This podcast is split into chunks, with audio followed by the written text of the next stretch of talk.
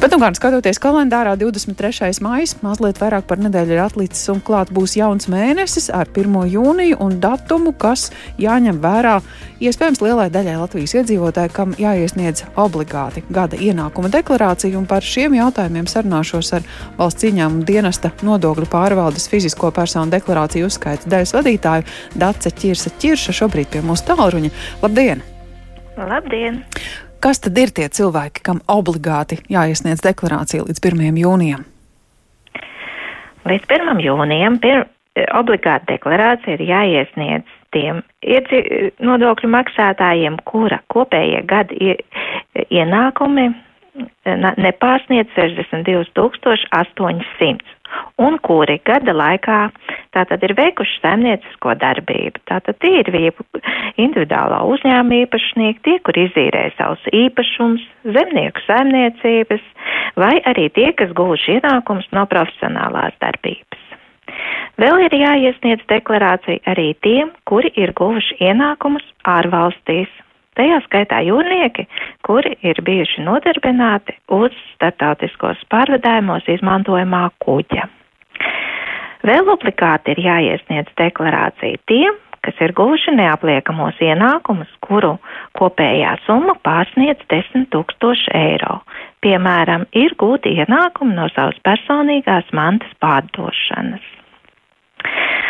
Vēl ir jāiesniedz deklarācija obligāti tiem, kam ir ienākumi, kuri ir apliekami ar 10% likmi. Mm. Tie ir tie nodokļu maksātāji, kuri valsts ieņēmuma dienestā ir reģistrējuši nereģistrējumu saimniecisko darbību par nekustāmā īpašuma izīrēšanu. Mm. Vai arī tie nodokļu maksātāji, kuri ir pārdevuši augoša meža vai koku materiālus, kuri, no kuriem šis nodoklis nav ieturēts. Mhm.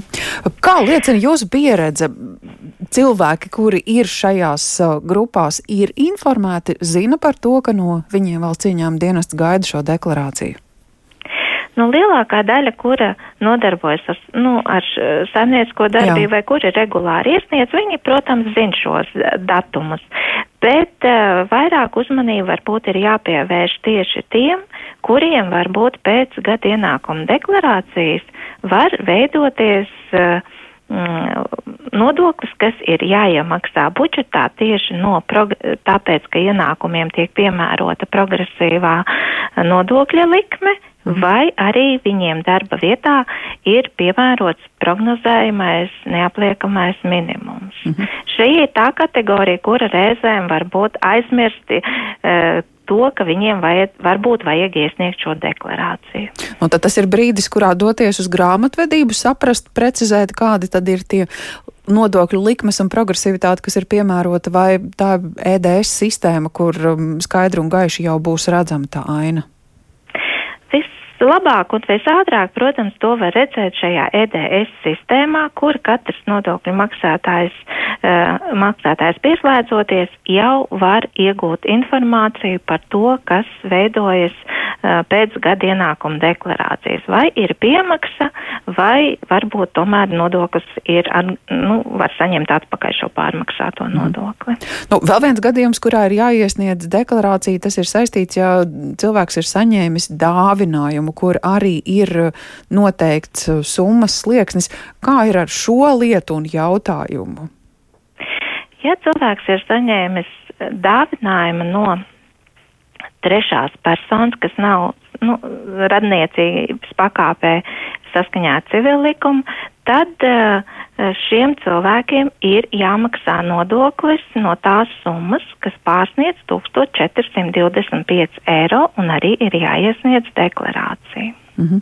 Bet nu, tad uh, pašam ir jābūt uh, labticīgam un uh, jāatzīstas, ka šāds dāvinājums ir saņemts, vai to tomēr var izsecināt arī no kādiem citiem reģistriem?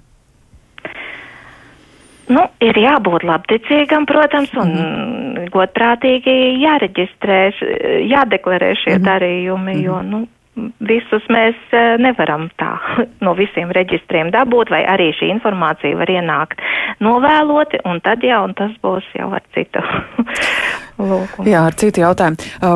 Te ir Šajā informācijā ir minēti divi datumi. Ir daļai jāiesniedz līdz pirmajam vai līdz 1. jūlijam. Tātad jūnijas vai jūlijas, ar ko šie nosacījumi atšķiras? Šie nosacījumi atšķiras no tā, cik ir gada kopējie ienākumi. Tātad, ja ienākumi kopējie par gadu nepārsniec 62,800, tad deklarācija ir jāiesniedz līdz 1. jūnijam. Mm. Ja šie ienākumi ir lielāki par 62,800 eiro, tad gada ienākuma deklarācija ir jāiesniedz līdz 1. jūlijam. Mm. Tie datumi noteikti lai likumā. valsts ieņēmuma dienests spētu šo informāciju apstrādāt. Es saprotu, ka likumā, bet nu, tur ir mhm. kāds īpašs iemesls. Tātad tiem, kam ir ienākumi lielāki par 62,800, mēs valsts ieņēmuma dienas tātad saņem informāciju no valsts sociālās apdrošināšanas aģentūras par solidaritātes nodokļa nomaksu. Un tā kā šī informācija mums tiek saņemta uh, tikai marta beigās, tad arī šiem cilvēkiem ir dots ilgāks termiņš iesniegt gada ienākumu deklarāciju. Nu, nav noslēpums, ka daudzi cenšas to izdarīt, ko līdz ir pirmā iespēja, obligāti vai nē, bet um, aizpilda gada ienākumu deklarāciju. Uh, kopumā, cik daudz no ierastā skaita cilvēku šogad jau ir iesnieguši šo deklarāciju? Nu, šogad mēs esam saņēmuši jau 823 tūkstošus un 500 gadu ienākumu deklarācijas. Mm -hmm. Tā kā ļoti lielu skaitu jau. Nu, un Līdz ar to izskanēja arī par vienu problēmu aprīļa sākumā, ka uh, kļūdas dēļ daļai iedzīvotāju valsts ir atmaksājusi lielāku summu nekā tas uh, būtu, nekā pienāktos, uh, un ka šī summa jāatskaita atpakaļ. Nu, to gadījumu arī bija diezgan daudz, vairāk nekā 300 tūkstoši. Kā ar šo lietu ir? Tātad šīs tehniskās kļūdas rezultātā mm, mums mēs secinājām tātad, ka 14 tūkstošiem iedzīvotāju ir nu, nepamatoti vairāk atmaksāts nodoklis. Līdz ar to visiem šiem 14 tūkstošiem valsts ieņēmuma dienests ir izsūtījis tātad vēstuli, kurā ir norādīts, kāda nodokļu summa ir jāatmaksā atpakaļ, un samaksas termiņš ir 27. jūnijas. Tātad vēl nekas nav nokavēts.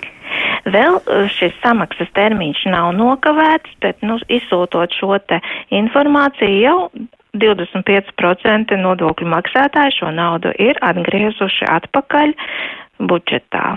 Tā kā daļēji jau arī mēs saņemam atpakaļ. Mm -hmm. nu, re. Elektroniskā deklarēšanas sistēma kā galvenā vieta un vietne, kur uh, cilvēki var konstatēt, vai viņiem ir jāņem vērā 1. jūnijas vai 1. jūlijas un arī uzdot jautājumus, ja ir neskaidrības par kādām pozīcijām. Jā, jautājumus var uzdot gan caur šo EDS sistēmu, caur sadaļu saziņu ar, ar vidu, gan arī zvanot uz uh, konsultatīvo tālruni, kur sniegs atbildes uz neskaidrajiem jautājumiem. Nu, un vēl viens jautājums, lai pamudinātu tos, kas šobrīd vēl skatās, kā sabalansēt savus izdevumus un ieņēmumus un atmaksāt to summu, kas ienākus mazliet par daudz.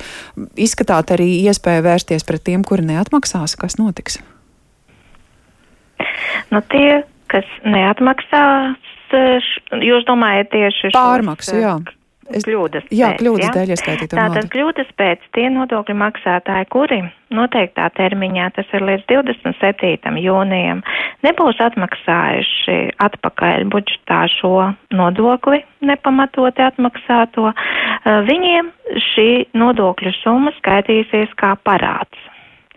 Un tik līdz teiksim, varbūt pēc nākamā gada deklarācijas veidosies pārmaksa, šī summa tiks kā parāds noņemta un sekta tad. Bet labāk to, protams, ir izdarīt saulaicīgi. Mm.